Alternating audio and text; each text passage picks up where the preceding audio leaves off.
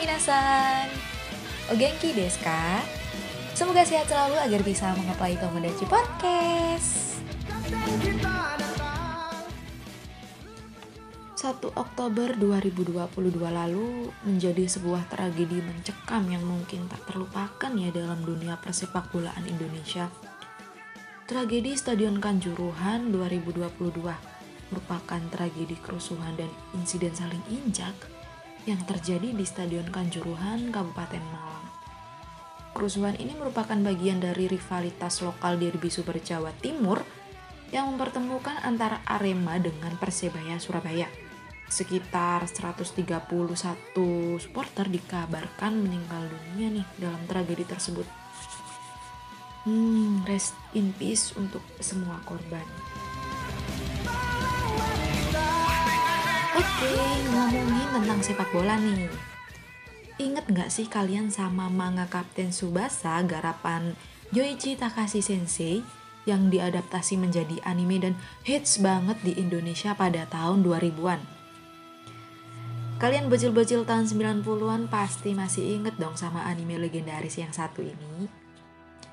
Nah, di tahun 2018 lalu, Kapten Subasa ini mendapatkan remake anime terbaru dengan dua season dengan jumlah 52 episode yang digarap oleh studio David Production dan kabarnya di tahun depan tahun 2023 akan mendapatkan season ketiganya. Jadi wisata masa lalu nih. selain Subasa, selain Kapten Subasa, juga ada beberapa anime shonen tentang sepak bola. Boleh banget nih dimasukin list tontonan saat gabut, apalagi sekarang musim hujan kan ya daripada membayangkan kenangan masa silam yang gak mungkin tergapai. Mending maraton anime rekomendasi Tomodachi Podcast tentang sepak bola.